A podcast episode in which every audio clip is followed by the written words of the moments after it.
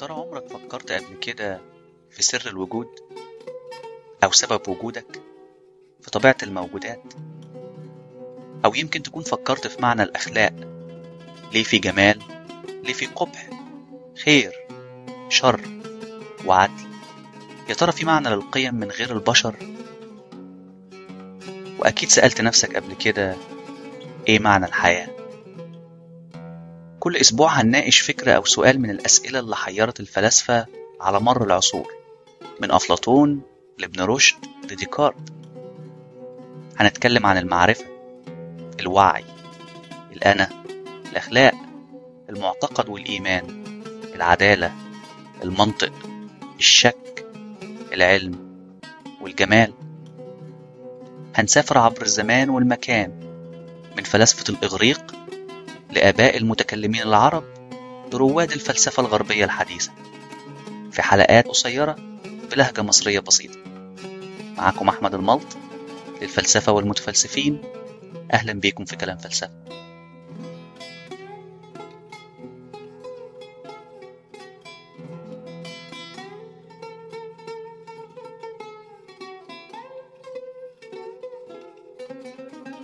الحلقة الستة والخمسين. أسس علم المنطق. Foundations of Logic.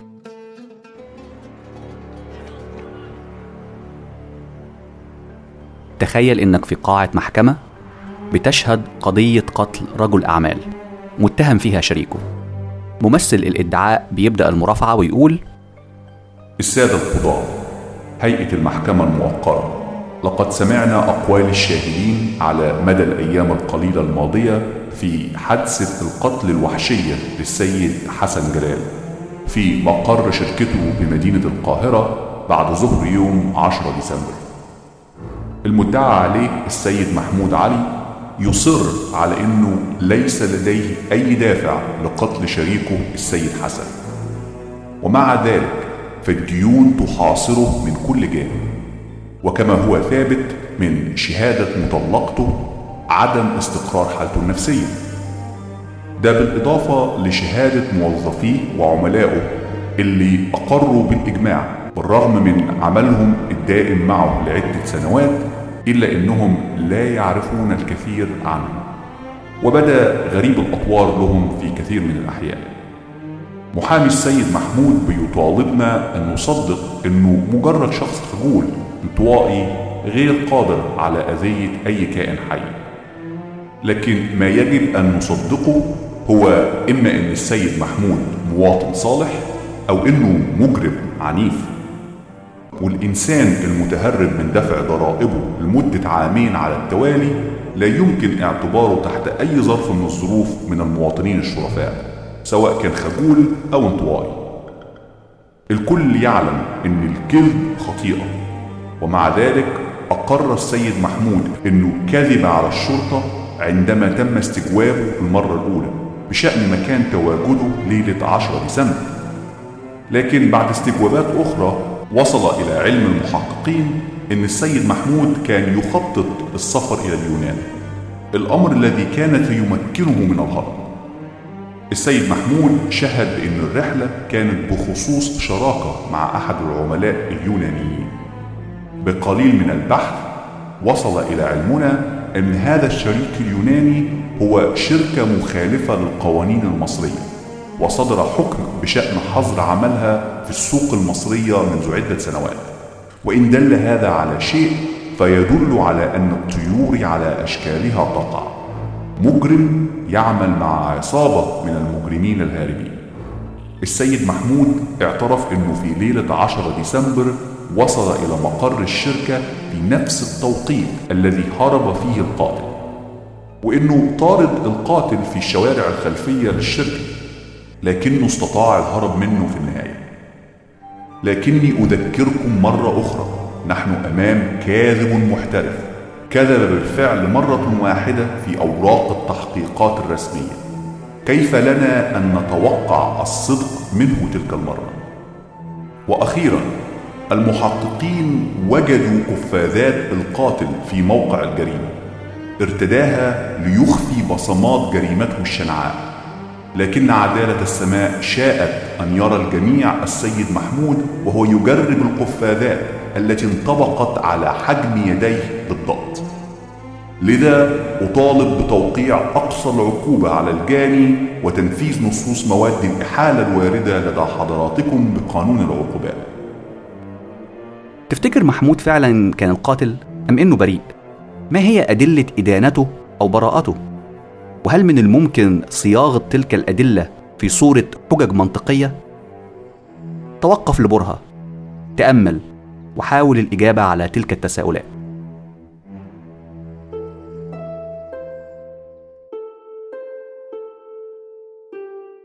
ما هو المنطق؟ What is logic؟ المنطق هو علم دراسة طرق ومبادئ التفكير القويم. قواعد التفاعل داخل المجتمعات البشرية ومع الطبيعة قائمة في الأساس على عملية التفكير. لكن ليس كل التفكير سليم ومعتدل ومهمة المنطق منذ اللحظات الأولى للتاريخ المدون كانت البحث في ماهية آليات التفكير السليم وطرق تفريق الحجج السليمة من الحجج الغير سليمة. المنطق دراسة علمية معيارية normative. بمعنى إنه لا يدرس أو يفسر كيف نفكر. دي مهمة علم النفس psychology. لكن ما يجب أن نقوم به عند القيام بالتفكير السليم. الحجة هي وحدة بناء الفكر وبالتالي موضوع المنطق الأساسي. البشر بتقوم بصياغة الحجج بشكل دائم من أجل عرض أفكارها والدفاع عن نتائج تلك الحجج وإقناع الآخرين باعتناقها. لكن ليست كل الحجج على قدم المساواة. وبالتالي لابد أن نسأل أنفسنا عند التعرض لأي حجة هل نتيجة الحجة تتبع من مقدمتها؟ كي نجيب على هذا السؤال كان لابد للبشر أن تعتنق معيار تقييم كوني غير خاضع للنزعات والأهواء الذاتية. بالضرورة المعيار لابد أن يكون موضوعي objective. في دراسة المنطق تصبح مهمة عالم المنطق لوجيشن هي اكتشاف المعايير الموضوعية لتقييم الحجج وتطبيقها. أنا سامع صوت اعتراضك بالفعل. بتقول إن التفكير القويم ليس دائما الطريقة الوحيدة التي يعتمد عليها البشر لدعم أفكارهم وتأكيدها. أحيانا قد يلجأوا لتبرير معتقداتهم بناء على السلطة مثلا العواطف الإيمان العادات والتقاليد وغيرها. وده فعلا حقيقي. لكن عندما يريد البشر صنع قرارات وحقائق يمكن الاعتماد عليها كقاعدة متينة للوصول أو حتى الاقتراب من الحقيقة التفكير العقلاني القويم هو أملهم الوحيد من خلال طرق المنطق وأدواته. لكن كي نستطيع فهم أدوات وطرق المنطق لابد من فهم وحدات بنائه الأساسية أولا.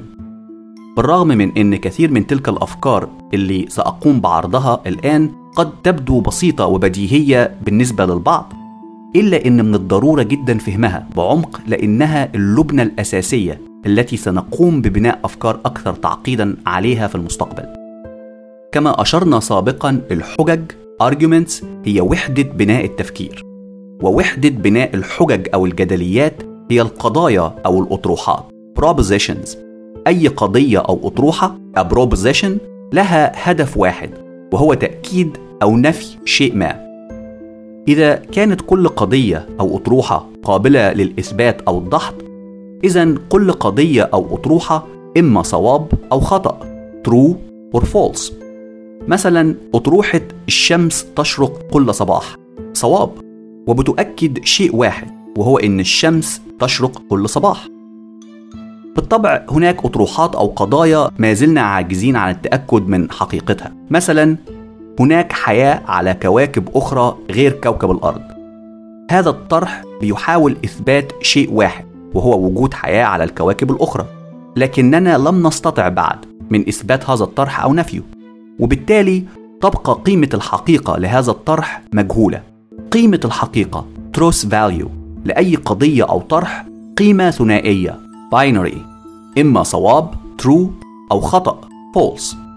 لو لاحظت القضايا والأطروحات اللي عرضتها في الأمثلة ما هي إلا جمل لغوية sentences. القضايا من الممكن التعبير عنها من خلال صور لغوية متعددة. الجمل اللغوية sentences أحد طرق التعبير عن القضايا لكنها ليست الطريقة الوحيدة. وبالتالي فكرة القضايا ليست متطابقة مع الجمل. الجمل هي وسيلة لعرض القضايا ليس أكثر وليست كل الجمل بالضرورة تعبر عن قضايا. مثلا الجمل الاستفهامية لا تعبر عن أي طرح أو قضية. مثلا فكر في الجملة دي. ما هو اسمك؟ جملة لا تعبر عن قضية وبالتالي لا تحتمل الصواب أو الخطأ. أو الجمل الأمرية مثلا توقف عن الاستماع الآن.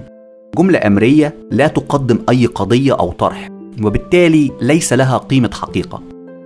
وكذلك جمل التعجب الإطراء وغيرها من أشكال الجمل اللغوية المختلفة. وكما أشرنا منذ قليل هناك طرق عديدة للتعبير عن القضايا. أبسطها هو الجمل اللغوية واللي قد تختلف من لغة لأخرى لكن يبقى الطرح ثابت. مثلا الجو ممطر It is raining. جملتين لغويتين مختلفتين لكنهما بيعبرا عن نفس القضية أو الطرح. أو حتى في إطار نفس اللغة. أحمد يشرح قواعد المنطق قواعد المنطق يشرحها أحمد. جملتين لغويتين مختلفتين لكنهم بيعبروا عن نفس القضية أو الطرح.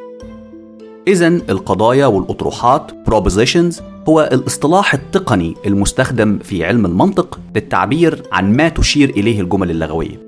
وبالتالي اصطلاح الجمل sentences غير متطابق مع القضايا. لكن جرت العادة داخل أدبيات ورواقات علم المنطق باستخدام الاصطلاحين بشكل تبادلي لأن الفرق ما بينهم واضح بالنسبة للمتخصصين.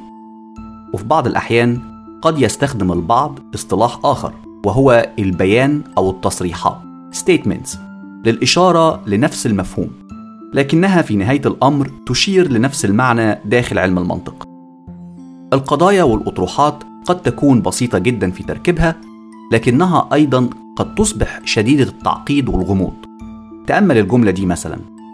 ينتج حوض الأمازون حوالي 20% من أكسجين الأرض وينتج الكثير من الأمطار ويعيش فيه العديد من صور الكائنات الحية المجهولة بالنسبة للبشر.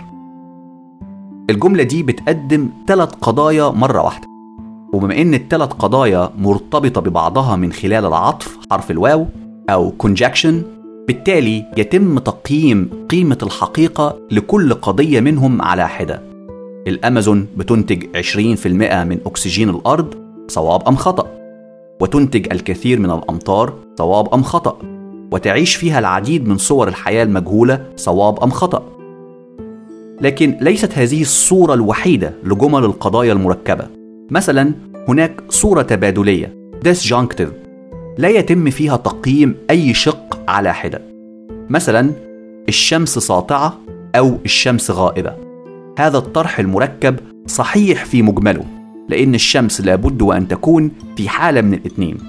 لكن كل طرح مستقل قد يكون خطأ لأن الشمس ساطعة أطروحة خاطئة في المساء مثلا. مثال آخر على القضايا المركبة هو القضايا الشرطية hypothetical. مثلا في مثال المفكر الفرنسي فولتير قال إن لم يكن هناك وجود لله إذا من الضروري أن نخترعه. في هذا المثال مركبي الطرح لا يمكن تأكيدهم أو نفيهم بشكل مستقل فقط من الممكن تأكيد أو نفي المركب الشرطي في مجمله. If then لو إذن. سنعود في الحلقات المستقبلية لمناقشة منطق القضايا وتركيب الجمل اللغوية. على أي حال أرجو أن الأمثلة السابقة تكون وضحت لك أن التركيب الداخلي للقضايا والجمل المستخدمة للتعبير عنها جوهري في عمل المنطق وتقييم تلك الحجج المبنية على تلك القضايا والأطروحات.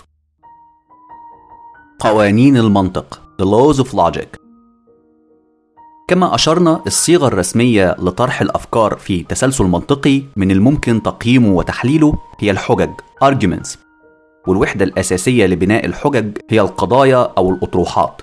Propositions. تركيب الحجج بسيط جدا. مجموعة من المقدمات. Premises. تقود لنتيجة ما. Conclusion. عمل المنطق يمكن تبسيطه في فكرة إن كانت المقدمات تدعم النتيجة. وكيف يتم هذا الدعم؟ الحجة من الممكن أن تحتوي على نتيجة واحدة فقط. في واقع الأمر الحجة تعرف بنتيجتها. لو احتوت الحجة على أكثر من نتيجة تصبح هناك أكثر من حجة. الشكل القياسي للحجج standard form بيبدأ بقائمة من المقدمات أو الأطروحات عادة ما بيتم ترقيم تلك الأطروحات لسهولة الإشارة إليها ومناقشتها وتنتهي بقضية واحدة هي نتيجة الحجة. وفي الغالب يكون هناك خط فاصل بين المقدمات والنتيجة. مثلا واحد المقدمة الأولى اثنين المقدمة الثانية خط فاصل ثلاثة. إذا النتيجة. النتيجة لابد أن تكون مدعومة بالمقدمات. من الجائز أن تحتوي الحجة على عدد لا نهائي من المقدمات. لكن يا ترى هل هناك حد أدنى لعدد المقدمات؟ في الحقيقة الإجابة اللي كتير من الناس بيتوقعها هو إن هناك حد أدنى وهو مقدمة واحدة. لأن الأسلوب الشائع في الكلام بين الناس عادة ما بيكون على صيغة بما إن مقدمة إذا نتيجة. لكن في الواقع الإجابة الرسمية هي إن الحد الأدنى للمقدمات هو صفر. نعم صفر. أي من الممكن صياغة حجة بدون أي مقدمات بالمرة. لكن يا ترى ما هي الحجة إن كانت لا توجد هناك أي مقدمات بالمرة؟ معنى هذا إن النتيجة مدعومة بلا شيء. وده يبدو إنه بيتعارض مع مهمة المنطق الأولى. من المفترض إننا نقبل النتيجة فقط إن كانت هناك مقدمات تدعمها. لكن في الحقيقة لما علماء المنطق بيسمحوا بحجة بدون أي مقدمات معناه إن نتيجة الحجة تعني لا يمكن نفي النتيجة أي إن النتيجة من ثوابت البديهة. بدلا من أن نقول إن النتيجة مدعومة بالمنطق بنقول إنها نتيجة بديهية. Self-evident. عارف إن الفكرة غريبة ومحيرة. لكن فكر في الأمثلة دي. واحد كل شيء مطابق لنفسه. اتنين الشيء إما يكون أو لا يكون. تلاتة لا يمكن أن يكون الشيء ولا يكون في نفس الوقت. أربعة الشيء لا يمكن أن يكون أحمر وأخضر في نفس الوقت. يا ترى إيه اللي بيخلي الأمثلة السابقة دي حقيقية؟ ما أعتقدش إنك هتختلف معايا في حقيقتها. حاول تفكر في القضايا أو الأطروحات المنطقية اللي من الممكن أن تدعم حقيقة تلك الأمثلة. في الغالب مش هتلاقي. لو وصلت لحاجة يا ريت تبعتها لي. الحقائق البديهية هي حقائق لا تحتاج لأي أطروحة أخرى كي تدعمها. في الحقيقة الأمثلة السابقة دي بتنقسم لفئتين. المثال الأول الثاني والثالث بيشكلوا ما يعرف في علم المنطق بقوانين المنطق laws of logic. المنطق الكلاسيكي له ثلاث قوانين أساسية فقط. القانون الأول هو قانون الهوية the law of identity. كل شيء مطابق لنفسه. everything is identical to itself. القانون الثاني هو قانون الثالث المرفوع the law of excluded metal. الشيء إما يكون أو لا يكون something is the case or it is not the case وأخيرا القانون الثالث قانون عدم التناقض the law of non-contradiction لا يمكن أن يكون الشيء ولا يكون في نفس الوقت It can't be true that something is both the case and not the case at the same time. أما المثال الرابع بيقع في فئة ما يعرف بالحقائق الميتافيزيقية الضرورية. ارجع لحلقات سلسلة ما وراء الطبيعة. وفي الحقيقة بعض الفلاسفة بيجادل إن هناك فئة ثالثة من الحقائق البديهية وهي الحقائق المشروطة contingent truth طالما لا يوجد ما ينفيها. مثلا هذه هي يدي أشعر بها وأراها وأنا أكتب هذه الكلمات الآن الحقائق المثبتة ذاتيا self evident truth بديهية ومن الصعب الجدال ضدها لأنها وسعة الانتشار بين البشر. جرب بنفسك خد تجربة إقناع أحد أصدقائك بإنك موجود وغير موجود في نفس اللحظة وإنت بتكلمه. أو فكر مثلا لو شكيت في إن إيدك هي فعلا إيدك. لكن البديهيات مش دايما بتكون حقيقية. مثلا قد أخطئ في رؤية حجر عن بعد وأتصور إنه كلب ضال مثلا. ارجع لحلقة نظرية المعرفة الثلاثية. كيف نصل للمعرفة؟ لماذا نثق في المعرفة المكونة بالبديهة؟ والسؤال الأصعب كيف من الممكن أن نبرر تلك المعرفة البديهية؟ أسئلة عسيرة جدا حاولت بعض العقول البشرية الفذة التعامل معها عبر التاريخ. الفيلسوف الأسترالي الإنجليزي الأصل لودفيج فيتغنشتاين في عمله المهم تحقيقات فلسفية Philosophical Investigations اللي نشره سنة 1958 وصف الإشكالية ببلاغة وقال عندما أستنفذ كل المبررات ما يبقى هو وصف الأشياء بأسمائها الحقيقية. قوانين المنطق الثلاثة هي قوانين المنطق الكلاسيكي Classical Logic. لكن هناك منظومات منطقية غير كلاسيكية Non-Classical Logic Systems. تحاول الإجابة على تلك الأسئلة بطريقة مختلفة. على سبيل المثال فرع منطق عدم التوافق Para-Consistent Logic أحد فروع المنطق الحديثة بيبحث ظاهرة التناقض بطرق مبتكرة. بعض علماء هذا الفرع من المنطق بيرفضوا قانون عدم التناقض في المنطق الكلاسيكي ويزعموا بوجود تناقضات حقيقية في الواقع. مثلا الأفراد بتعتنق آراء أخلاقية متعارضة في نفس الوقت. على أي حال ده موضوع معقد وشائك خارج إطار بحثنا الحالي وقد نعود لمناقشته في المستقبل. المنطق والرياضيات Logic and Mathematics. علم المنطق سابق على الرياضيات وفي اعتقاد البعض أساسي وضروري لها. والمنطق بيختلف كثيرا عن الرياضيات لكنهم بيتشابهوا في العديد من السمات الجوهرية مثلا التفكير المجرد. واستخدام العمليات. عالم المنطق الألماني الشهير جوتولد فريدجه واللي عادة بيعد الأب الروحي لعلم المنطق الحديث عكف لفترة كبيرة من حياته العملية على مشروع يعرف بالمنطقانية لوجيسيزم وكان طموحه هو اختزال الرياضيات بالكامل إلى قواعد المنطق الأساسية. المهمة الأولى والأصعب كانت تعريف الأرقام من خلال عمليات المنطق فقط. وبالتالي تكتسب الرياضيات عمومية قواعد وقوانين المنطق. في عمله الغير تقليدي أسس علم الحساب The Foundations of Arithmetic اللي نشره سنة 1884 فريجا بدأ عملية اختزال الرياضيات إلى المنطق بداية بالرقم صفر. وجادل إن الصفر هو نفي مبدأ التطابق مع الذات المنطقي لأن لا يوجد أي شيء ليس متطابق مع ذاته. وبالتالي الصفر منطقيا بيشير لنتيجة هذا المفهوم المنطقي. وبالتالي إضافة صفر لمجموعة من الأشياء ما زالت هذه المجموعة متطابقة مع نفسها. إذا من الممكن تعريف الصفر على إنه مجموعة الأشياء التي تقع تحت مبدأ عدم التطابق مع الذات. توقف للحظة وتأمل الفكرة البديعة.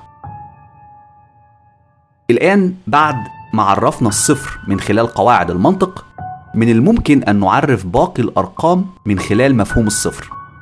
مثلا الرقم واحد من الممكن تعريفه على إنه مبدأ التطابق مع الصفر لأن يوجد فقط مفهوم واحد لتعريف الصفر وبالتالي الواحد يصبح هو الرمز المشير إلى عدد المفاهيم المعبرة عن عدم التطابق مع الذات اللي هي مفهوم واحد فقط مفهوم الصفر. ويصبح الرقم اتنين هو المفهوم الذي يشير إلى تعريف التطابق مع الصفر أو الواحد وهكذا.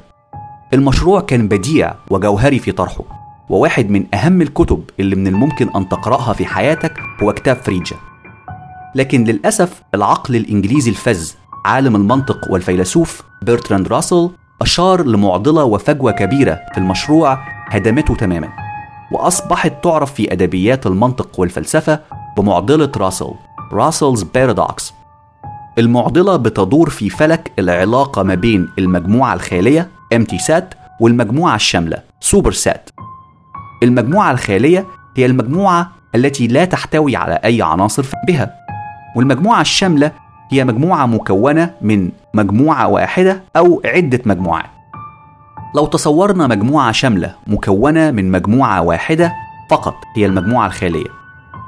بديهيا المجموعة الشاملة تصبح هي نفسها المجموعة الخالية بداخلها لأنها تشتمل فقط على مجموعة واحدة وهي المجموعة الخالية.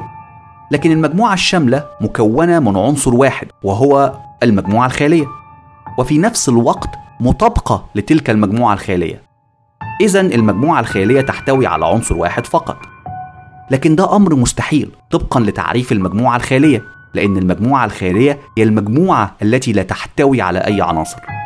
بصيغة تستطيع العقول الغير رياضية استيعابها يبدو إننا خلقنا شيء من لا شيء. اذا لابد إن هناك شيء ما خاطئ في هذا المنطق. فريجا اعتمد على المجموعات الخاليه والمجموعات الشاملة في مشروعه لتعريف الأرقام من خلال المفاهيم المنطقية. الإشكالية اللي طرحها راسل وضعت المشروع بالكامل في دائرة الشك. وللأسف عجز فريجا وراسل وعلماء المنطق والرياضيات حتى اللحظة عن إيجاد حل لتلك المعضلة. وانتهى الأمر بفريجا أنه هجر المشروع وتخلى عن الفكرة تماما. وظلت الرياضيات معرفة من خلال البديهيات لا نستطيع إيجاد أرضية لها في علم المنطق. قصة سنعود لتفاصيلها في حلقات سلسلة فلسفة الرياضيات في المستقبل. الحجج. Arguments. إذا القضايا والأطروحات propositions هي اللبنة الأساسية لبناء الحجج والجدليات. Arguments. في أي حجة الهدف هو تأكيد أو نفي أطروحة أو قضية واحدة بناء على أو باستخدام مجموعة أخرى من القضايا والأطروحات. وفي تلك الحالة بنقوم بعملية استدلال أو استنباط. Inference. لو كنت متابع لحلقات كلام فلسفة بكل تأكيد سمعتني بستخدم مصطلح الاستدلال كتير قبل كده. وبأبسط طريقة ممكن أعرفه بيها هو إن الاستدلال عملية نقوم فيها بربط مجموعة من القضايا والأطروحات ببعضها البعض. بعض الاستدلالات صحيحة والبعض الآخر غير صحيح. عالم المنطق بيقوم بتحليل هذه التجمعات من القضايا المرتبطة ببعضها ويقيم حقيقة الأطروحات المبدئية وأطروحة النهاية والعلاقة بينهم. مجموعة القضايا تكون أو تشكل ما يعرف بالحجة. Argument. الإصطلاح هنا تقني في علم المنطق. بيشير لمجموعة القضايا المرتبطة ببعضها. ولا يعني الفكرة الشائعة في ذهن العامة بالحجج والجدليات على إنها صورة من الخلافات والمناقشات الحادة. في المنطق الحجة أو الجدلية تشير بشكل محدد لأي مجموعة من القضايا والأطروحات التي يدعى أنها في حالة من الارتباط ويتبع بعضها البعض. بحيث إن حقيقة أحدهما تدعم التاليه عليها وهكذا حتى النتيجة. وبالتالي لكل استنباط أو استدلال جائز توجد حجة مكافئة. الحجج ليست مجرد مجموعة من القضايا والأطروحات في سلة. هذا التجمع يمتاز بصفة جوهرية وهي طبيعة تركيبه. التركيب structure بيظهر الاستدلال الناتج عن ربط تلك القضايا. من الممكن وصف هذا التركيب من خلال فكرتين أساسيتين المقدمات premises والنتيجة conclusion نتيجة الحجة هي القضية التي تحاول الحجة تأكيدها باستخدام القضايا والأطروحات الأخرى في مقدمة الحجة. أما المقدمات هي القضايا الأخرى المفترض إنها مؤكدة وتؤك وتقدم دعم أو السبب للإعتقاد في صحة أو تأكيد طرح النتيجة في نهاية الحجة.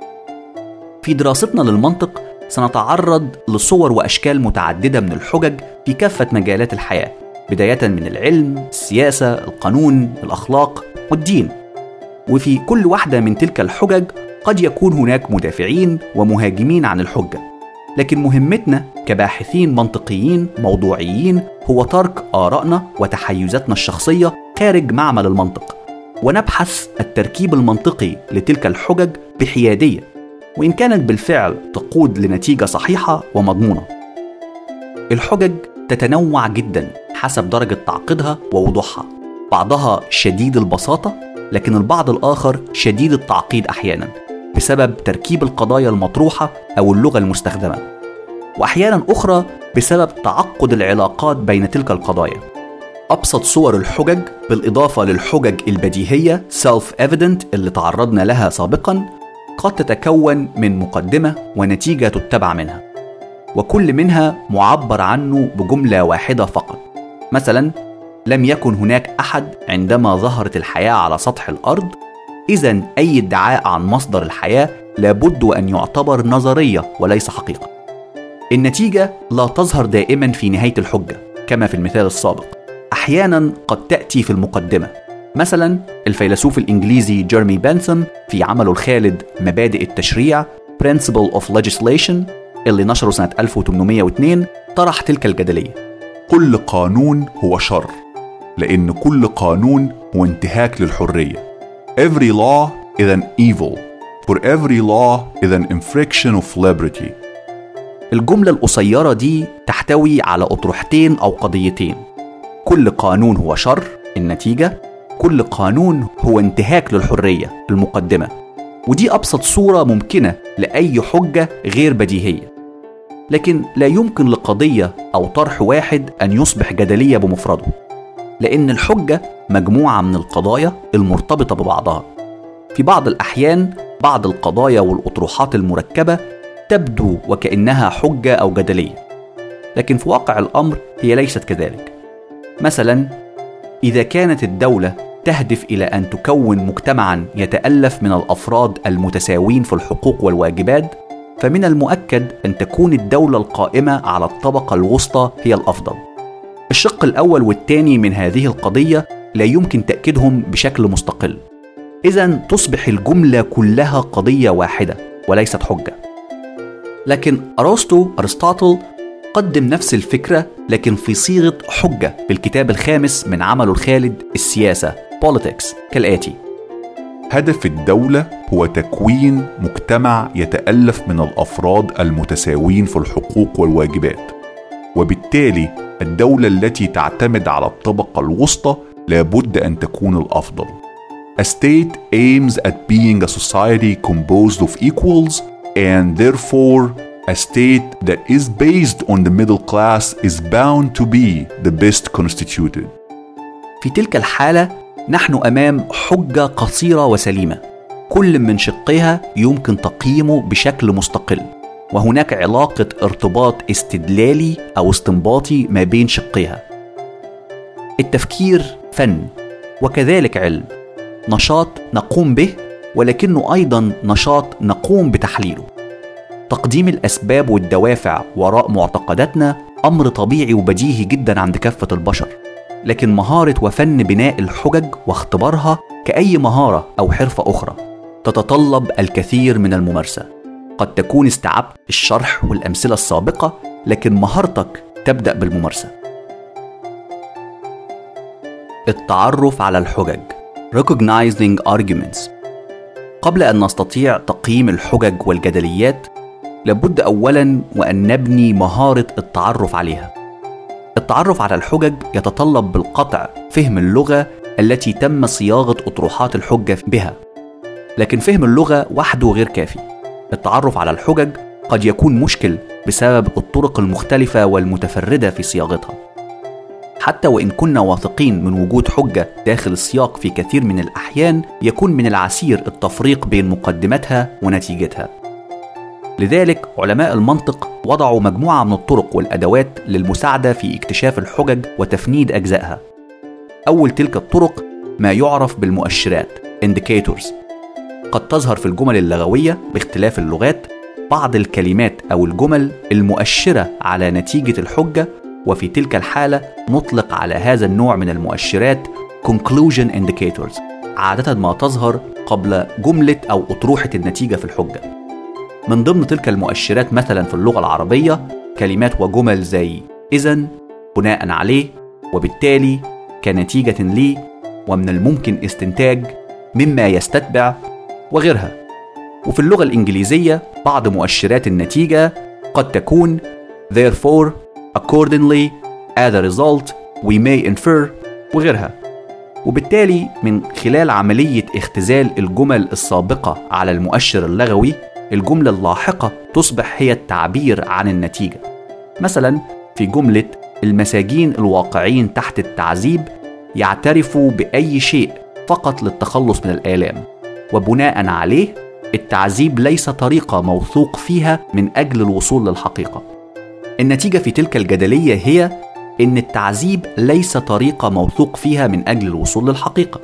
والإدعاء أو المقدمة هي إن المساجين الواقعين تحت التعذيب يعترفوا بأي شيء فقط للتخلص من الألم. ومؤشر النتيجة بين الجملتين هو وبناء عليه. لكن في بعض الأحيان الجدليات قد لا تحتوي على مؤشرات للنتيجة وبدلا من هذا تحتوي على مؤشرات للإدعاء premises indicators اللي في اللغة العربية تشتمل على كلمات ومصطلحات مثل بما أن كما في لأن بسبب نتيجة لي وغيرها. وفي اللغة الإنجليزية تحتوي على مصطلحات مثل since, because, as shown by إلى آخره. مثلا في جملة زي مرضى القلب لا يجب أن يدخنوا على الإطلاق بما أن الدراسات أظهرت آثار سلبية للتدخين على صحة القلب. النتيجة في هذه الجملة هي مرضى القلب لا يجب أن يدخنوا على الإطلاق. المقدمة أو الإدعاء هي إن الدراسات أظهرت آثار سلبية للتدخين على صحة القلب. والرابط في هذه الحالة مؤشر ادعائي وليس مؤشر نتيجة وهو بما إن. لكن المؤشرات السابقة لا تظهر دائما بالضرورة داخل الجمل اللغوية. وفي تلك الحالة الطريقة الثانية للتعرف على الحجج قد تكون من خلال السياق context أو المعنى المطروح. مثلا في كتاب المفكر الأمريكي الملحد المعاصر سام هاريس خطاب لأمة مسيحية Letter to a Christian Nation بيقول نصف الأمريكيين يؤمنون أن الكون عمره ستة آلاف سنة وهم مخطئون في ذلك. إعلان خطأهم ليس قضية تعصب لا ديني لكنها أمانة فكرية. بكل تأكيد من سياق تلك الفقرة هناك حجة واضحة. بالرغم من غياب المؤشرات اللغوية. ومن الشائع أيضا في بعض الطرق البلاغية في صياغة الأطروحات والقضايا أن يقوم الفرد بصياغة القضية على صورة تساؤل لكن لو فاكر في بداية الحلقة أنا قلت لك إن السؤال أحد صور الجمل اللغوية التي لا تحتمل الصواب والخطأ. ده صحيح لكن ده أحد الأسباب التي تجعل التعرف على الحجج صعب في كلام البشر. استخدام طرق ووسائل تعبير بلاغية في بعض الأحيان يجعل الجملة في ظاهر الأمر تبدو استفهامية لكنها تفترض أن الإجابة على السؤال هي القضية أو الطرح أو الإدعاء الذي تحاول تقديمه أي أن الجملة قد تبدو استفهامية لكن في واقعها هي جملة تعبيرية declarative مثلا في أحد النصوص المقتبسة عن الكنيسة الأنجيليكية في نيجيريا بخصوص تحريم المثلية الجنسية بتقول لماذا لم يخلق الله الأسود أزواجا للرجال؟ أو الأشجار؟ أو حتى الرجال أنفسهم؟ منذ بداية قصة الخلق وأنت ترى غاية الله هو أن يتزوج الرجال والنساء. النتيجة هنا هي نية الله في تزويج الرجال والنساء. والمقدمات طرحت في صورة أسئلة. إجابات تلك الأسئلة من الواضح إنها القضايا التي تبنى عليها النتيجة.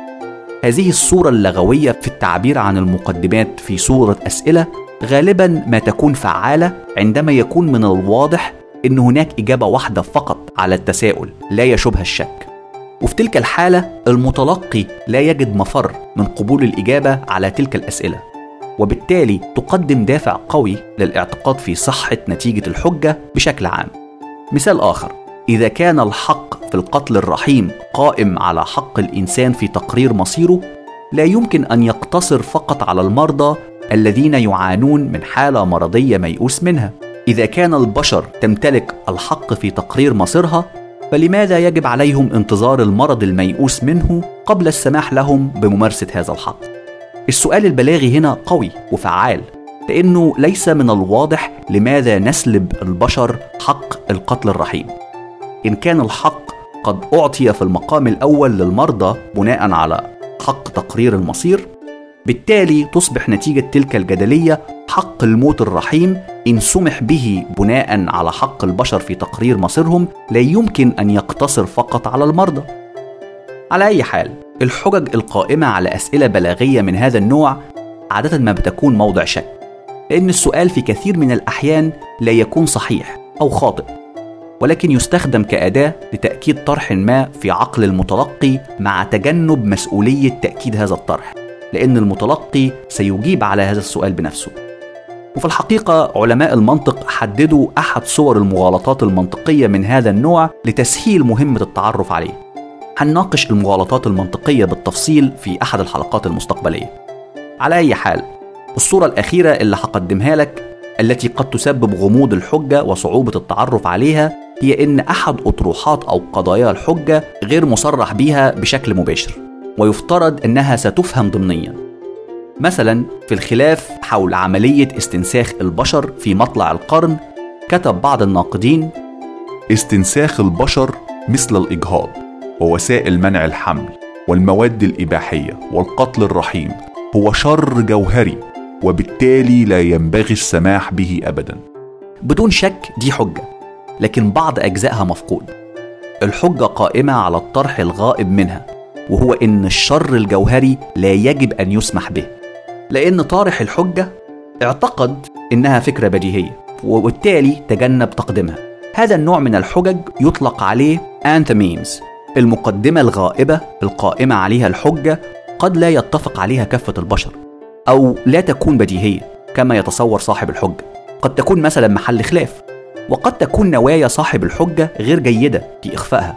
لاعتقاده إن عدم وضوحها سيجعل من العسير انتقادها.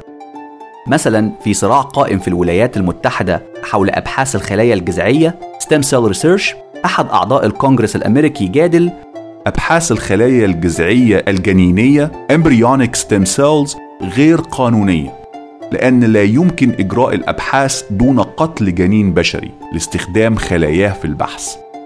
مقدمة الحجة صحيحة لأن أبحاث الخلايا الجذعية غير ممكنة دون تدمير الأجنة في مراحل معينة من تكوينها.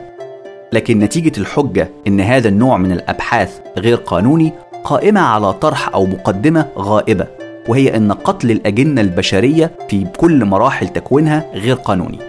وهذه القضية محل نزاع وخلاف مجتمعي ما زال قائم حتى اللحظة. إذا قوة وتأثير هذا النوع من الحجج الناقصة يعتمد على مدى معرفة المتلقي بأن بعض المقدمات غير صحيحة أو محل نزاع. الصور الغير جدلية. Non-argumentative forms. ليست كل وسائل الاتصال البشري حجج وجدليات كما أشرنا من قبل ولأن المنطق بيتعامل مع الحجج لابد من التفريق ما بين الكلام الذي يحتوي على حجة وصوره الأخرى. الكلام الذي يحتوي على حجة يحاول أن يثبت شيء ما. إن لم يحاول النص المكتوب أو المسموع إثبات شيء ما إذا لا يحتوي على حجة. كي نفرق بين أنواع الكلام الذي يحتوي على حجة لابد من التعرف على الصور الأخرى. هعرض عليك مجموعة من الصور دي. الصورة الأولى صورة الاتصال الغير استنتاجية البسيطة. Simple Non-Inferential وهي أبسط صور الجمل البيانية. قد تحتوي على قضايا ونتائج أو الاتنين لكنها تفتقد لأهم ما يميز الحجج وهو الروابط المنطقية التي تربط قضايا المقدمة بنتيجة ما. الاتصال البشري اللي من هذا النوع بيشتمل على عدة صور منها التحذير warning مثلا احذر الأرض مبتلة لا تنزلق. صورة أخرى هي النصيحة advice مثلا احذر من خان لا تأتمن أسرارك معه. صورة أخرى جمل الاعتقاد أو الرأي. Statement of belief or opinion. مثلا نعتقد أن الحل الوحيد لتقدم الشعوب العربية هو زيادة مساحة الحريات رفع كفاءة وجودة التعليم والاعتماد على البحث العلمي. سواء اتفقت أو اختلفت مع الجملة السابقة هذه الجملة ليست حجة لأنها لا تقدم هيكل منطقي للتدليل على نتيجتها. صورة أخرى هي التقرير report. اللي هو عبارة عن مجموعة من الجمل تنقل معلومات محددة عن حدث أو ظاهرة ما. مثلا طبقا لتقرير مؤسسة هيرتج درجة الحرية الاقتصادية في مصر 52.5 من عشرة في المئة. مما يجعل اقتصادها في المرتبة الرابعة والأربعين في مؤشر الحرية الاقتصادية لعام 2019 أحد أهم آلات الاتصال اللغوي هي التفسير explanation. لكن فقرات التفسير قد تتشابه لغويا في كثير من الأحيان مع الحجج لأنها تستخدم مؤشرات لغوية مشابهة في صياغتها اللغوية. مثلا كلمات زي لأن بسبب إذا لهذا. إلى آخره قد تستخدم كثيرا في الفقرات التفسيرية اللي يجعل من العسير تفريقها عن الحجج. في تلك الحالة معرفة نية الكاتب جوهرية في فهم الغرض من الفقرة. على سبيل المثال السماء تكتسب زرقتها من سطح الأرض لأن أشعة ضوء الشمس تتشتت من خلال احتكاكها بجزيئات الغلاف الجوي.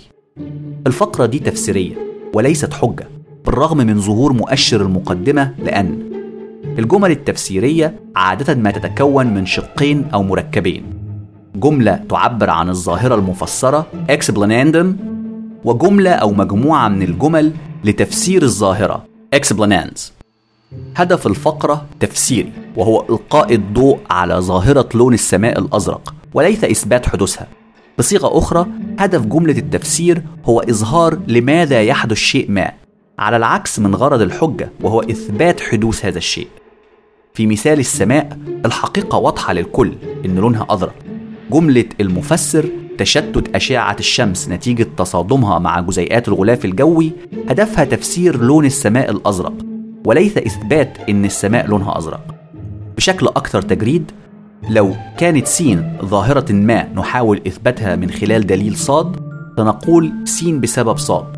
لكن لو سين ظاهرة مثبتة ونحاول تفسيرها من خلال صاد سنستخدم نفس التركيب اللغوي سين بسبب صاد لكن الغرض مختلف بين الجملتين. الغرض ضمني في الفقرة وفي كثير من الأحيان قد يكون ظاهر أو محدد مما يشكل صعوبة في التفريق ما بين الفقرة التفسيرية والجدلية. كيف إذا من الممكن معرفة إن كان هدف المتحدث تفسير سين من خلال صاد أو إقناعنا بحقيقة سين من خلال صاد؟ من الممكن أن نبدأ باختبار حالة سين نفسها. هل هو طرح يحتاج لإثبات حقيقته في المقام الأول أم إنها حقيقة معروفة مثبتة أو بديهية؟ وبالتالي فهم أعمق لسياق الحديث عادة ما يساعد المحلل في التفريق ما بين هدف المتحدث إن كان الإثبات حجة أم التفسير. وفي بعض الأحيان هذا السياق قد لا يكون واضح لأن الفقرة اقتطعت من سياقها. وفي أحيان أخرى تحديد إن كانت سين لا تحتاج الإثبات أو أمر بديهي قد يصبح أمر محل خلاف ووقتها يصبح من الصعب تحديد إن كان الطرح جدلي أم تفسيري.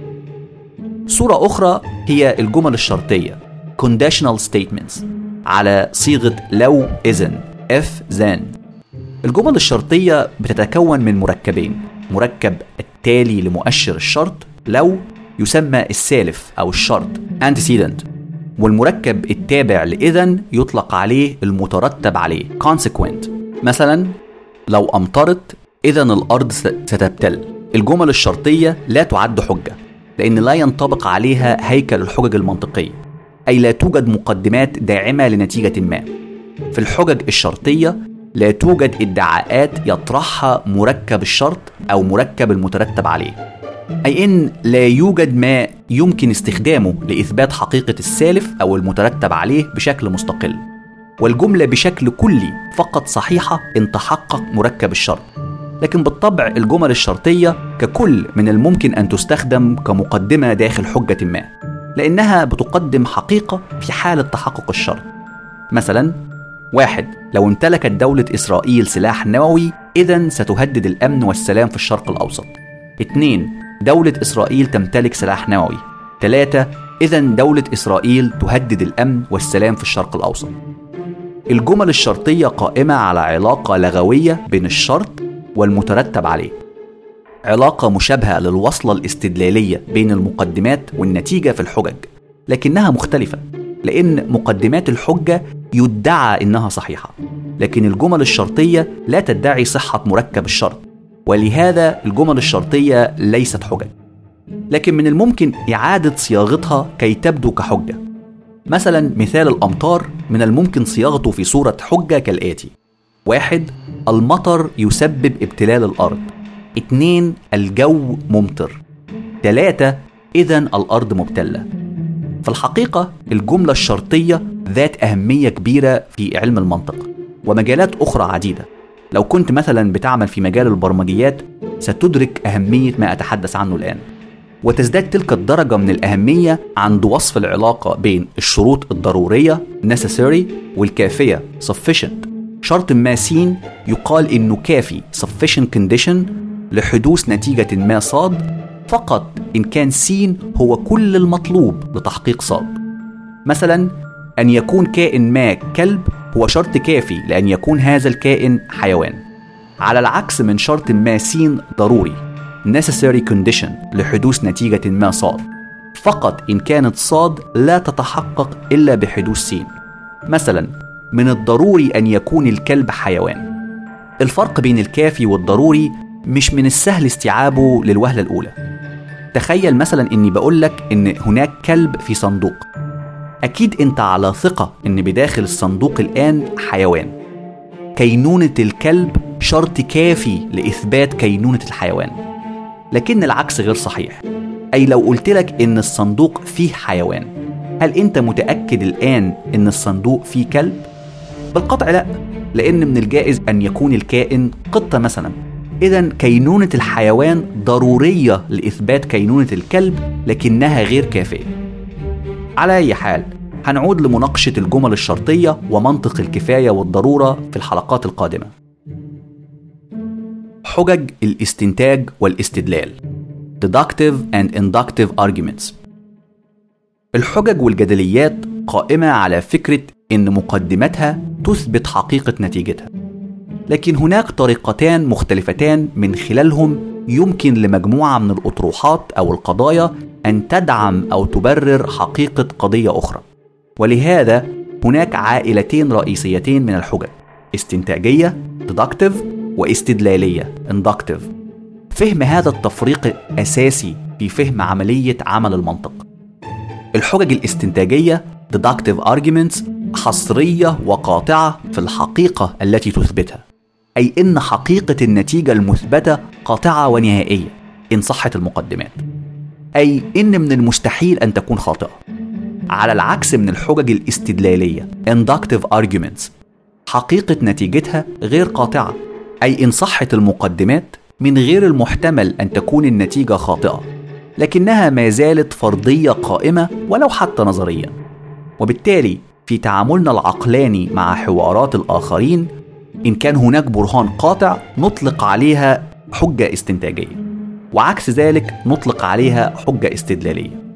ولأن أي حجة تجعل نتيجتها إما قاطعة أم لا إذا أي حجة تنتمي إلى واحدة من تلك العائلتين إما استنتاجية أو استدلالية. هذا التفريق طرح للمرة الأولى بشكل موثق في التاريخ الإنساني على إيد أرسطو أرسطاطل. وفي القرون اللاحقة عليه الاستنتاج والاستدلال أصبحا صورتي الأدلة العقلانية. ليس فقط في المنطق لكن في كافة المناحي العقلية. ولن تجد أي مجال علمي أو عقلي لا يوجد داخل أدبياته فكرة الاستنتاج في مقابل الاستدلال بداية من الرياضيات مرورا بالفيزياء حتى التاريخ. وفي كثير من الأحيان يشير البعض للاستنتاج بالبرهان بسبب قطعية أو إلزامية المنطق necessary reasoning وإلى الاستدلال بالمنطق الاحتمالي probabilistic reasoning. هضرب لك حجتين للتفريق. الأولى واحد محمود رجل مصري. اثنين الرجال المصريون عادة ما يتزوجون وعمرهم ثلاثون عام. ثلاثة إذا في الغالب محمود سيتزوج وعمره ثلاثون عام. الحجة الثانية واحد محمود رجل. اثنين كل الرجال غير قادرة على الحمل. ثلاثة إذا بالضرورة محمود غير قادر على الحمل. الحجة الأولى استدلالية في حين إن الثانية استنتاجية. لو تأملت الحجتين السابقتين ستجد أن هناك مجموعة من السمات المميزة ما بينهم. أهمها استخدام المؤشرات اللغوية. المؤشر الاحتمالي في الغالب مقارنة بالمؤشر القطعي بالضرورة.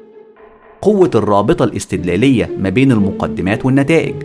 أي هل من الممكن أن تكون النتيجة خاطئة إن كانت المقدمات صحيحة؟ في الحجة الثانية مستحيل أن يحدث هذا وبالتالي الرابطة قوية مقارنة بالحجة الأولى. أمر راجع ليس للبديهة فقط لكن للغة المستخدمة. إن كان كل الرجال غير قادرين على الحمل ومحمود رجل لا يوجد هناك مفر من نتيجة عدم قدرة محمود على الحمل لأنه واحد من مجموعة كل الرجال. وأخيرا هيكل الحجة ككل عامل مهم في تحديد نوعها. صور الحجة الاستنتاجية. Deductive argument forms. الحجة الاستنتاجية لها هيكل أو تركيب يجعل مقدمتها تدعم حقيقة نتائجها. هناك عدة صور لتلك التراكيب أو الصور المختلفة للحجة الاستنتاجية. الصورة الأولى هي الحجة الاستنتاجية القائمة على الرياضيات. Argument based on mathematics. وفيها نتيجة الحجة قائمة بالكامل على عملية حسابية أو قياس هندسي. مثلا لو كنت في السوق واشتريت خمس أقلام والثلاث كراسات تستنتج من ذلك إن معاك 8 أشياء. وبما إن جميع العمليات في الرياضيات الأساسية استنتاجية بالتالي نستطيع اعتبار أي حجة قائمة على الرياضيات استنتاجية أيضا. قبل ما تعترض هذا باستثناء الحجج القائمة على الإحصاء statistics التي بتعد نوع من الحجج الاستدلالية كما سنرى بعد قليل. الصورة الثانية الحجة من الدليل argument from definition. الحجج اللي نتيجتها ببساطة تعتمد على تعريف كلمة أو جملة في المقدمة. مثلا من الممكن أن أجادل إن علي لا يقول الحق لأن علي كذاب. حتمية إخفاء الحقيقة تتبع من تعريف الكذب. الصورة الثالثة والأخيرة هي صورة قياسية. Syllogism عادة ما تتكون من مقدمتين ونتيجة واحدة. أول صورة منها القياس التصنيفي categorical syllogism فيها كل أطروحة من المقدمات تبدأ بواحدة من ثلاث مؤشرات كل لا وبعض. مثلا واحد كل الحقول يعمل بها فلاحون. اثنين بعض الحقول تقع على حدود المدن. ثلاثة إذا بعض الفلاحين تعمل على حدود المدن. الصورة الثانية من حجج القياس الاستنتاجية هي القياس الشرطي أو الافتراضي hypothetical syllogism. اللي بتستخدم المؤشر اللغوي لو إذن في واحدة على الأقل من مقدماتها مثلا واحد لو كل قنوات الإعلام في الوطن العربي تابعة للسلطة إذا ستضلل الشعوب اثنين كل قنوات الإعلام في الوطن العربي تابعة للسلطة. ثلاثة إذا قنوات الإعلام في الوطن العربي تضلل الشعوب الصورة الأخيرة من القياس هي القياس الإقتراني. Disjunctive syllogism واللي عادة في مقدمتها تستخدم مؤشرات مثل إما أو. مثلا واحد إما أن تنتقل السلطة سلميا أو من خلال الثورات الشعبية. اثنين في الأنظمة الديكتاتورية لا تنتقل السلطة سلميا. ثلاثة إذا تنتقل السلطة بالثورات الشعبية في الأنظمة الديكتاتورية هنعود لمناقشة منطق القياس بالتفصيل في الحلقات القادمة. علماء المنطق بيستخدموا مصطلح الصلاحية validity للتعبير عن اتساق قوام الحجة الاستنتاجية. أي إن كانت المقدمات فعلا بما لا يدع مجال للشك تدعم النتيجة. مفهوم الصلاحية ينطبق فقط على الحجج الاستنتاجية. الحجة الاستنتاجية صالحة valid فقط إن كانت نتيجتها دائما وضروريا صحيحة إن كانت كل مقدماتها صحيحة. وليست كل الحجج الاستنتاجية صالحة لأن بعضها قد يفشل في تحقيق هدفه وهو إثبات صحة النتيجة بناء على المقدمات ضروريا. إذا الحجج الاستنتاجية قد تكون صالحة valid أو باطلة غير صالحة invalid. ومهمة المنطق الاستنتاجي الأولى تصبح التفريق ما بين الحجج الصالحة والباطلة. وعلماء المنطق طوروا أدوات فعالة لتلك المهمة سنتعرض لها خلال دراستنا المستقبلية. صور الحجة الاستدلالية. Inductive Argument Forms. بشكل عام نتائج الحجج الاستدلالية من المقبول أن تكون أوسع في نطاقها من محتوى المقدمات. وعادة ما يكون هناك انتقال نوعي من المعلوم في المقدمة إلى غير المعلوم في النتيجة. وبالتالي نتائجها غير قطعية مقارنة بالجدليات الاستنتاجية الحجج الاستدلالية لها عدة صور وتركيبات شائعة بعضها على سبيل المثال للحصر حجج التنبؤ prediction اللي هي نوع من الحجج ينتقل من معرفتنا بالماضي لادعاء معرفة ما عن المستقبل. مثلا من الممكن أن أتنبأ بحدوث ظواهر مناخية معينة في منطقة جغرافية معينة بسبب تكرار حدوثها في نفس المنطقة في الماضي. كلنا مدركين أن التنبؤ بالمستقبل من المستحيل أن يكون قطعي، وبالتالي هذا النوع من الجدليات يندرج تحت المنطق الاحتمالي أو الحجج الاستدلالية. صورة أخرى هي الحجة من القياس argument from analogy وهي نوع من الحجج تكتسب الصحة باستخدام التشابه في الحالات أو الأشياء. مثلا هذا النوع من الحجة شائع بين الناس في وصف جودة نوع من المنتجات بناء على التشابه مع منتجات أخرى قادمة من نفس المصدر المنتج أو البلد. لكن هذا النوع من المنطق احتمالي في أفضل حالاته. صورة أخرى هي التعميم generalization وهي نوع من الحجج ينتقل من المعرفة بعينة من البيانات إلى معرفة حول عينة أكبر أشمل وأعم. لأن عناصر العينة تشترك في خواص معينة مع العينة الأشمل. مثلا من الممكن أني أجادل أن المواطنين في فئة عمرية معينة أو شريحة تعليمية معينة سينتخبوا مرشح ما بناء على معرفة تفضيلات عينة أصغر من نفس السن أو الخلفية التعليمية. صورة أخرى الحجة من السلطة. Argument from authority. نوع من الجدل بيخلص لأن شيء ما صواب لأن خبير أو شاهد أقر بذلك. من الممكن أني أجادل أن سعر سهم معين في السوق سيرتفع في المستقبل بناء على بيانات من خبير اقتصادي معين. أو من الممكن أن يجادل محامي ما أن المتهم هو الجاني بناء على شهادة شاهد عيان. بالرغم من أن الشاهد قد يكون كاذب. وبالتالي المعرفة هنا تصبح احتمالية. صورة أخرى هي الأشهر تعرف بالاستدلال السببي causal inference وهي حجة تنتقل من معرفتنا بسبب ما لمعرفة تأثيره والعكس. مثلا من الممكن أني أجادل أن بترك زجاجة الماء في الثلاجة لعدة ساعات لابد أن الماء سيكون مثلج انتقال من السبب للنتيجة. أو بالعكس من الممكن أني أجادل أن رائحة الطعام سيئة لأنه ترك خارج الثلاجة ففسد انتقال من النتيجة للسبب. لكن بما أن العلاقات السببية لا يمكن أبدا القطع بضرورة حدوثها أي إنها غير قطعية البرهان ارجع لحلقة إشكالية السببية. هذا النوع من الجدال يعد احتمالي. ومن هنا بتصبح مهمة المنطق الاحتمالي أو الحجج الاستدلالية ليست إن كانت النتيجة صالحة valid أو باطلة كما في الحجج الاستنتاجية. لكن إيجاد الطرق والأدوات للتأكد من الحقائق التي تصنعها لأنها احتمالية في طبيعتها. فمن الممكن إجراء التجارب الاختبارات المعملية وجمع الملاحظات تحليل البيانات كما يحدث في العلوم الطبيعية للتأكد من حقيقة النتائج المستخلصة. هضرب لك مثال من الواقع عن أهمية المعرفة الاحتمالية والحجج الاستدلالية بشكل عام للبحث عن الحقيقة في مقابل الحجج الاستدلالية القطعية. مرض متلازمة نقص المناعة الإيدز Immune Deficiency Syndrome AIDS مرض خطير وقاتل. وكتائب من العلماء والباحثين تعمل بلا كلل في محاولة لفهم أسباب المرض والحد من انتشار الفيروس. هل من الممكن أن نتعلم استدلاليا أي بدون معرفة قطعية كيف نحد من انتشار الفيروس؟ في الحقيقة نعم ده أمر ممكن سنة 2006 مؤسسة الصحة العالمية نشرت نتائج الدراسات الموسعة اللي قامت بها في كل من كينيا وأوغندا دول خطورة الإصابة بالإيدز وانتشاره عالية جدا فيها وجدت إن خطورة انتقال العدوى بفيروس إتش آي في في عملية الاتصال الجنسي تتناقص للنصف في الرجال اللي مروا بعملية الطهارة circumcision في طفولتهم وتتناقص في النساء بنسبة 30% العلاقة السببية ما بين عملية الطهارة وتناقص خطورة انتقال العدوى نوع من المعرفة الاحتمالية لا يمكن القطع بها كما في الحجج الاستنتاجية. لكنها ذات درجة عالية جدا من الاحتمالية وبالتالي المعرفة المستخلصة تصبح مهمة جدا.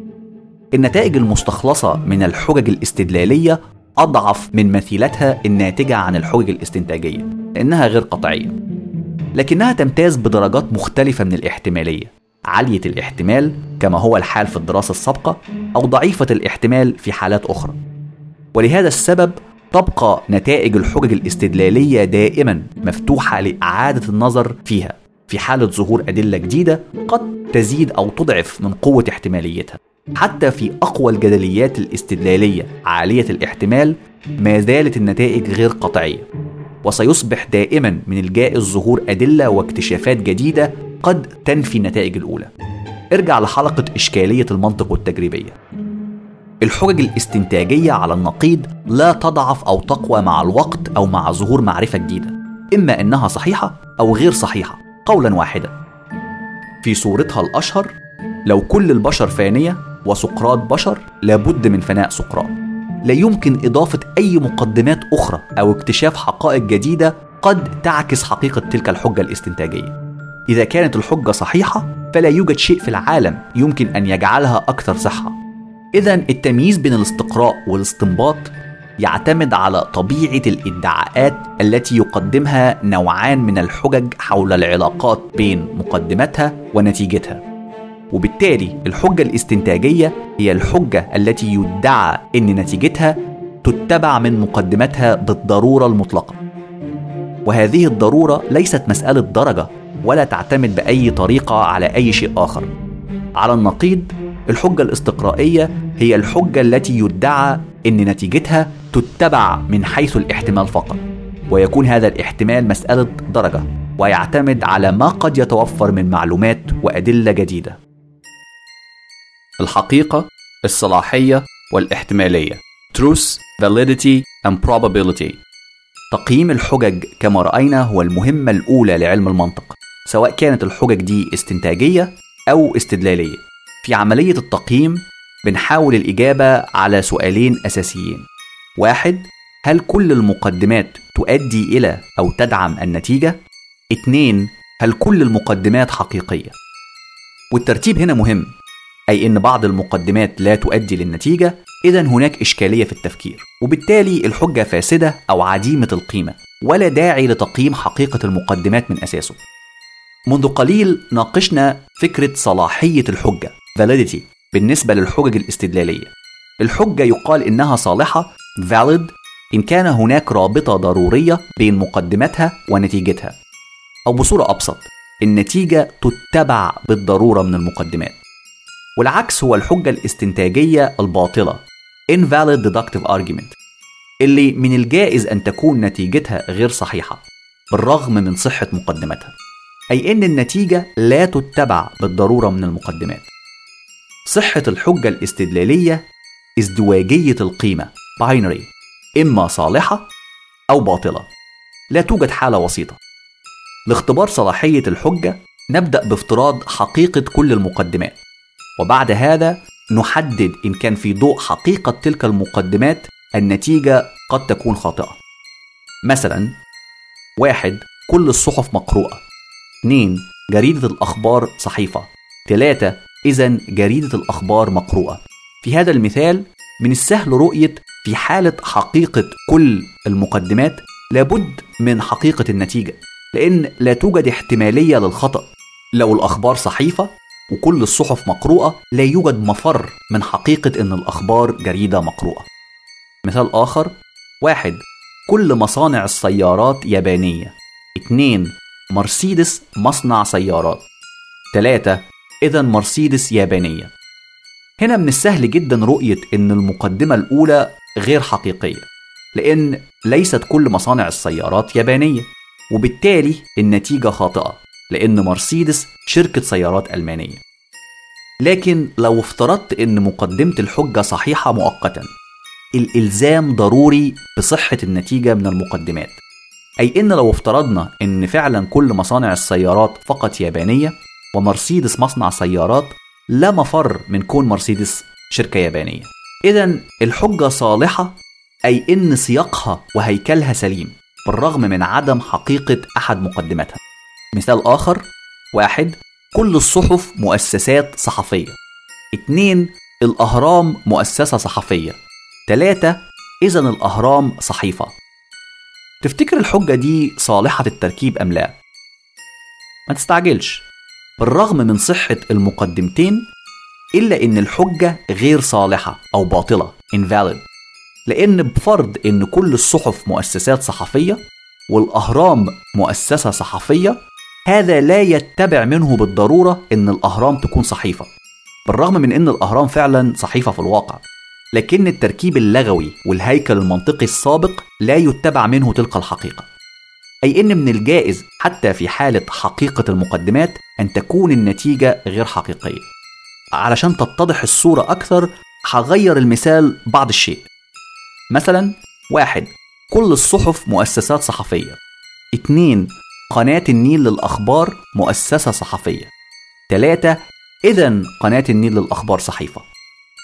أرجو أن يكون واضح بالنسبة لك عدم صلاحية الحجة. النقطة المهمة اللي بحاول أبرزها لك من خلال تلك الأمثلة المحيرة هو إن صلاحية الحجة validity مختلفة تماما عن حقيقتها. Truth. بشكل عام الصلاحية لا يمكن تحديدها بشكل متسق فقط من خلال حقيقة كل من المقدمات والنتيجة. مثلا في مثال كل الصحف مقروءة ومثال شركة السيارات الحجتين صالحتين إلا إن الأولى مقدمتها ونتيجتها حقيقية فعلا في حين إن الثانية مقدمتها ونتيجتها ليست حقيقية. لأن ليست كل شركات السيارات يابانية ومرسيدس شركة ليست يابانية. وفي حين إن نتيجة الحجة الثالثة كانت صحيحة والأهرام فعلا صحيفة إلا إنها حجة غير صالحة أو باطلة. الصلاحية شيء يمكن تحديده من خلال العلاقة بين المقدمات والنتيجة وإن كانت المقدمات فعلا تدعم النتيجة أم لا بغض النظر عن حقيقة أطروحتها السؤال ليس إن كانت تلك المقدمة أو النتيجة صواب أو خطأ لكن إن كانت النتيجة تتبع من المقدمة. في الواقع الفكرة دي أهم فكرة من الممكن أن تعرفها في المنطق الاستنتاجي.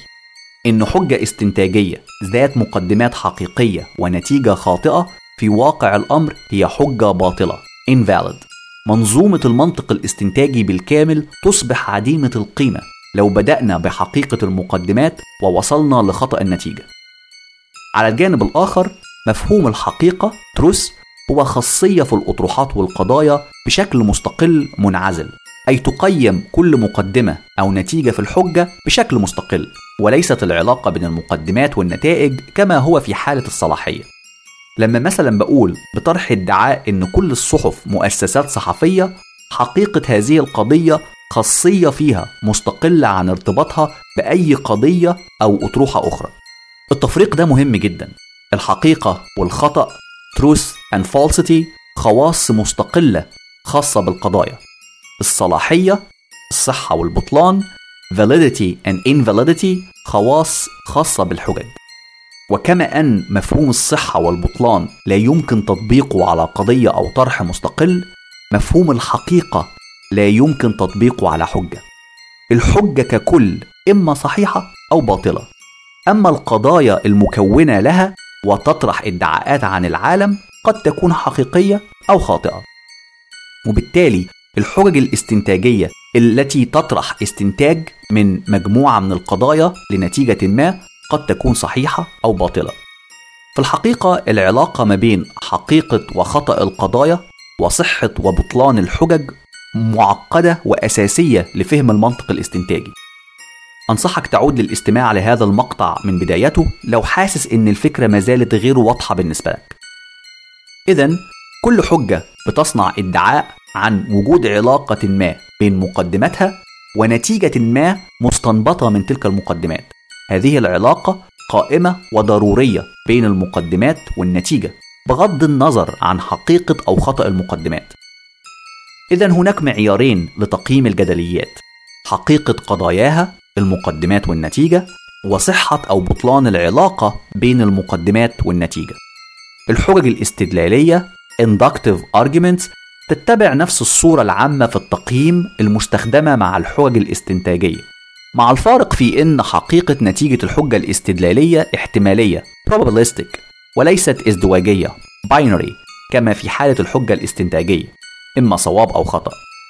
زي ما شفنا منذ قليل صور الحجة الاستدلالية عديدة سواء من حجج القياس التعميم الحجة من السلطة أو الاستدلال السببي. الحجج الاستدلالية يتم تقييمها في فئتين. إما حجة استدلالية قوية strong inductive argument وهي الحجة الاستدلالية الغير محتملة improbable أن تكون نتيجتها خاطئة false بالرغم من أن مقدمتها صواب true أي أن النتيجة احتمالية صدقها عالية جدا بناء على مقدمات الحجة. مكافئة للحجة الاستنتاجية الصحيحة valid لكنها احتمالية وليست قطعية. والفئة الثانية هي حجة استدلالية ضعيفة. Weak inductive argument. وهي الحجة اللي احتمال إن نتيجتها تتبع بناء على المقدمات ضعيف جدا. بالرغم من ادعاء الحجة. مكافئة للحجة الاستنتاجية الباطلة invalid لكنها احتمالية وليست قطعية. الحجج الاستدلالية بشكل عام قائمة على ما يطلق عليه الفلاسفة مبدأ انتظام الطبيعة uniformity of nature. اللي طبقا له المستقبل عادة ما يتبع مما حدث في الماضي أو بصورة أعم الانتظام regularities في جزء ما من الطبيعة متكرر في أجزاء أخرى. مثلا لو السكر في الماضي كان حلو المذاق سيكون كذلك في المستقبل غالبا. أو كذلك في مصر كما هو في أمريكا. البحث عن الانتظامية في الطبيعة وإدراكها أحد الآليات العقلية البشرية. مثلها مثل الآلية السببية في عقولنا. العقول البشرية تبحث دائما عن الانتظام والسببية في الطبيعة بشكل بديهي وتلقائي. وعادة إن خالف الواقع تلك الآليات تصبح مفاجأة كبيرة لنا ومن الصعب على عقولنا قبولها البشر مهتمة ليس فقط بماهية الأشياء لكن كيف من الممكن أن تكون الأشياء؟ وبالضرورة أصبحوا مشغولين عبر العصور بكيف تتصل الأشياء ببعضها ولماذا؟ بدراسة الاحتمالات والاستنباط مما نعرف على ما لا نعرف؟ عندما نستدل على حتمية موت إنسان لأن حتمية الفناء عامة لكل البشر هو انتقال من المعروف إلى الممكن. عندما نستدل على احتمالية الأمطار قريبا بسبب تكون الغيوم في السماء هو انتقال احتمالي من معرفة الماضي للتنبؤ بالمستقبل. هذه الأمثلة وغيرها صور من التفكير العقلاني والاستدلال المنطقي منذ أن بدأ البشر في محاولة الإجابة على سؤال لماذا؟ أصبح المنطق هو أول أدوات البحث عن الحقيقة. المنطق هو علم دراسة التفكير. ينشغل علماؤه بالبحث في الطرق الأدوات والمبادئ للتفريق بين التفكير السليم والأعوج. ومبكرا اكتشف المنطقيين إن في غالب الوقت حقيقة الجدليات تعتمد على العلاقة بين أطروحاتها وتعتمد على صور أو هيكل الجدلية قبل محتواها. ومن وقتها أصبح المنطق هو دراسة شكل تركيب وهيكل الحجج العقلانية. السمة اللي جعلت من المنطق آلة بشرية عامة غير محدودة بالزمان المكان الثقافة أو اللغة. وجعلت تطبيقه واسع النطاق في كافه المجالات من القانون الرياضيات للعلوم بكافة صورها. قدرة البشر على التفكير بصورة عقلانية آلية مشتركة وهو الشيء اللي بيميزنا عن باقي الكائنات الحية على الأقل في حدود معرفتنا العلمية الحالية. دراسة المنطق هي التمرين العقلي لبناء ملكة التفكير السليم ومهارة اكتشاف التفكير الأعوج والحجج الفاسدة. وبالرغم من أن الفرد قد لا يستخدم قواعد المنطق مباشرة في حياته اليومية إلا إنها جزء أساسي غير مباشر في كثير إن لم يكن في كافة قرارات الإنسان اليومية. مثلا قد تكون قررت إنك تستيقظ من النوم باكر لكي تصل إلى العمل أو الجامعة في ميعادك. فأصبح المنطق في قرار استيقاظك باكرا لو أردت الوصول في ميعادي لابد أن أستيقظ باكر أريد الوصول في ميعادي إذا سأستيقظ باكر. الصورة البسيطة دي اللي غالبا ما تمارسها لا إراديا يطلق عليها علماء المنطق المنطق الاستثنائي modus ponens من الجائز إنك بتسمع المصطلح للمرة الأولى. لكنك بتقوم بالفعل بهذا النوع من الاستدلال المنطقي يوميا. جوهرية المنطق في حياة الإنسان قد تكون شعرة رفيعة فاصلة بين الحياة والموت في كثير من الأحيان. الاستدلال المنطقي هو ما يمنعك من القفز من النافذة الآن أو العبور أمام السيارات المسرعة أو عدم الإمساك بشعلة من النيران. كلها صور من الاستدلال غاية في الحساسية والأهمية يقوم بها الطفل منذ السنوات الأولى في حياته لإدراكه إنها استدلالات ضرورية لحفظ وجوده. أيا كان تخصصك أو دراستك قدرتك على صناعة استدلالات واستنباطات جيدة أي استخدام المنطق ستجعل تجربتك الوجودية أفضل وأقل حيرة ودهشة. المعرفة الإنسانية في مجملها قائمة على المنطق بداية من الفلسفة البحث عن حقيقة الله مرورا بتصميم التجارب العلمية وجمع الأدلة التجريبية وفهم ودراسة حركة الأسواق المالية قوانين الدول والعلاقات الدولية علوم الكمبيوتر والبرمجيات اللي قامت في الأساس على إيد علماء المنطق والرياضيين وغيرها من مناحي البحث والمعرفة الإنسانية. في رحلة بحثنا هنستعرض أنظمة علم المنطق الرئيسية الرسمي منها والاحتمالي صور وأدوات صياغة وتحليل الحجج المنطقية. آليات البحث عن الحقيقة طبيعة المعاني في اللغة وآليات التعرف على المغالطات المنطقية. في نهاية الجولة هدفي إنك تكون أصبحت مسلح بصندوق أدوات المنطق وآلياته وتبدأ في التفكير كمنطقي. المرافعة اللي بدأنا بيها تخيلية مقتبسة بتصرف من كتاب التفكير النقدي Critical Thinking لأستاذة الفلسفة الأمريكية المعاصرة شارون كاي. حاولت من خلالها أثير ملكات تفكيرك العقلاني للبحث عن المنطق والحجج فيها. بكل تأكيد المرافعة مليئة بالأخطاء المنطقية والسيد محمود لم تثبت إدانته. وأعتقد أن من الصعب أن تجد هذا النوع من التفكير الغير عقلاني في الحياة اليومية على الأقل داخل قاعات المحاكم. المرافعة احتوت على العديد من المغالطات المنطقية. مثلا الأولى استعان ممثل الإدعاء بشاهدة هي مطلقة السيد محمود لإثبات حالته النفسية المضطربة وهي ليست متخصصة في إصدار هذا الحكم الطبي في طبيعته ولا هي شاهد محايد في تلك الحالة بل على العكس في الأغلب ستكون منحازة في رأيها. من الممكن صياغة الحجة كالآتي واحد كل القتلة ليسوا متزنين نفسيا. اثنين محمود غير متزن نفسيا طبقا لشهادة مطلقته. ثلاثة إذا محمود قاتل. الإشكالية ليست فقط في ضعف الثقة في شهادة المطلقة لكن في تركيب الحجة لأن لا يتبع بالضرورة أن كل غير متزن نفسيا سيكون قاتل. المغالطة المنطقية الثانية هي أن ممثل الإدعاء عمم باستهتار نتيجة كذب محمود مرة بأن أي شيء سيعترف به بعد ذلك لابد أن يكون كذب.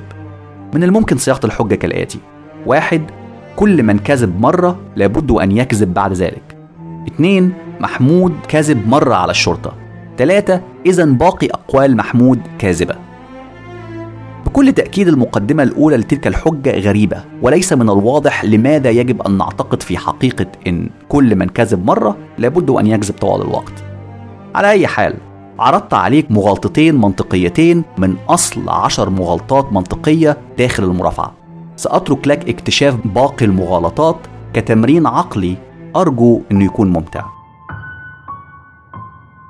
وختاما أتركك في صحبة كلمات عالم المنطق واللغة الأسترالي الإنجليزي الأصل. لودفيج فيتغنشتاين في أحد أهم ما كتب أطروحة عن المنطق والفلسفة Treatise on Logic and Philosophy نشرت سنة 1921 كان من المعتاد القول إن الله يمكن أن يخلق أي شيء باستثناء ما يتعارض مع قوانين المنطق. والحقيقة هي أننا لا نستطيع أن نقول كيف سيبدو عالم غير منطقي ودلوقتي فكر في الاستدلالات والمعرفة اللي بتكتسبها يوميا هل المنطق آلية جوهرية في عقلك؟ تشكل السر في حفظ بقائك حتى اللحظة؟ هل المنطق سابق على الرياضيات؟ وهل من الممكن أن نؤسس جوهر الرياضيات في قواعد المنطق في يوم ما؟ ما هي معايير تقييم الحجج والجدليات؟ هل هي معايير موضوعية أم نسبية؟ وهل من الممكن تصور عالم بدون منطق؟